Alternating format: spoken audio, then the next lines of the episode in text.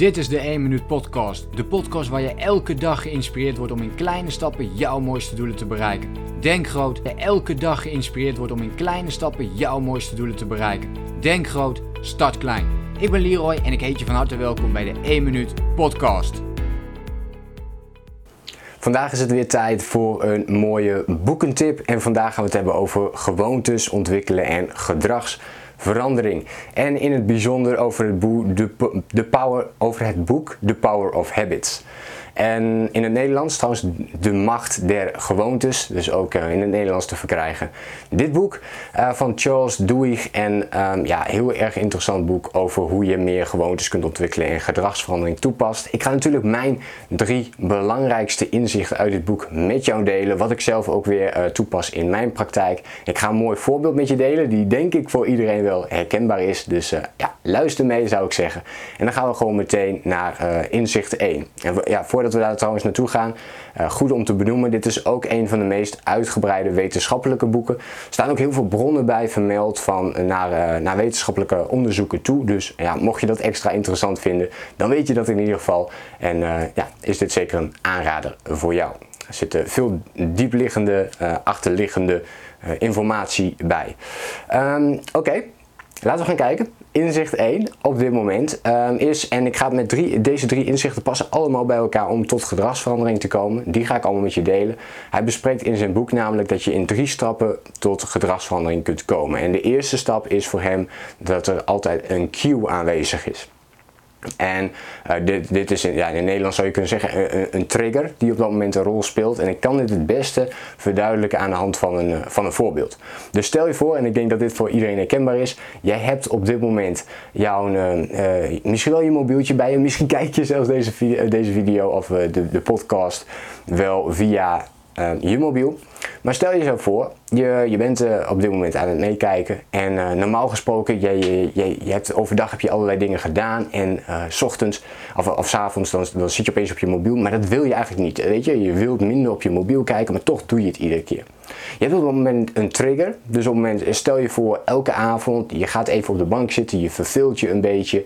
En iedere keer op dat moment dat je je verveelt, kijk je op je mobiel. Dat is een cue, dat is een trigger.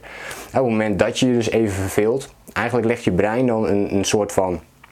Um, um, ik ben het woord even kwijt, een, ja, een verbinding zou je kunnen zeggen. Een verbinding tussen het een en het ander. Dus in dit geval, oh, ik voel me verveeld, verbinding leggen met, oh, ik pak mijn mobiel.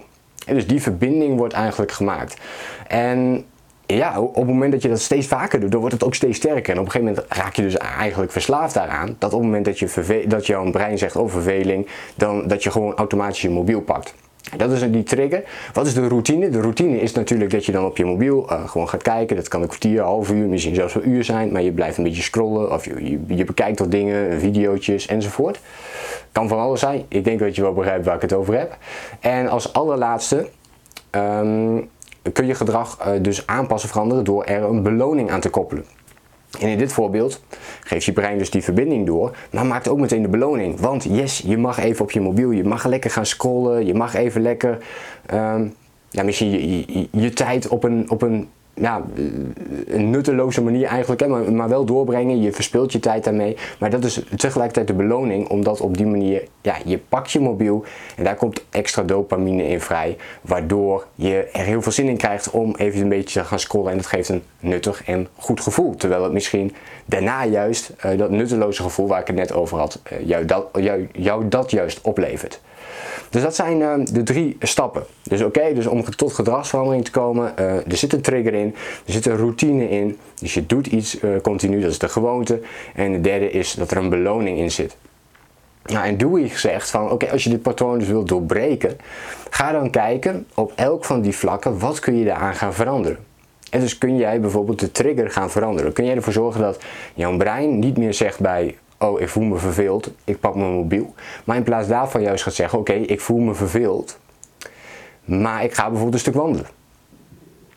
Oké, dus je, de, de trigger blijft hetzelfde. En dus je voelt je verveeld. Daar kun je eigenlijk niet, daar kun je wel wat aan veranderen. Maar dat is niet in eerste instantie waar je naartoe wilt. Maar je wilt vooral de routine veranderen, zoals Charles Duhigg dat zegt. Dus het mobiel niet meer pakken, maar in plaats daarvan gaan wandelen. En dat is ook de makkelijkste manier, hè? want die trigger die komt wel, die verveling, die hebben we allemaal wel wel eens.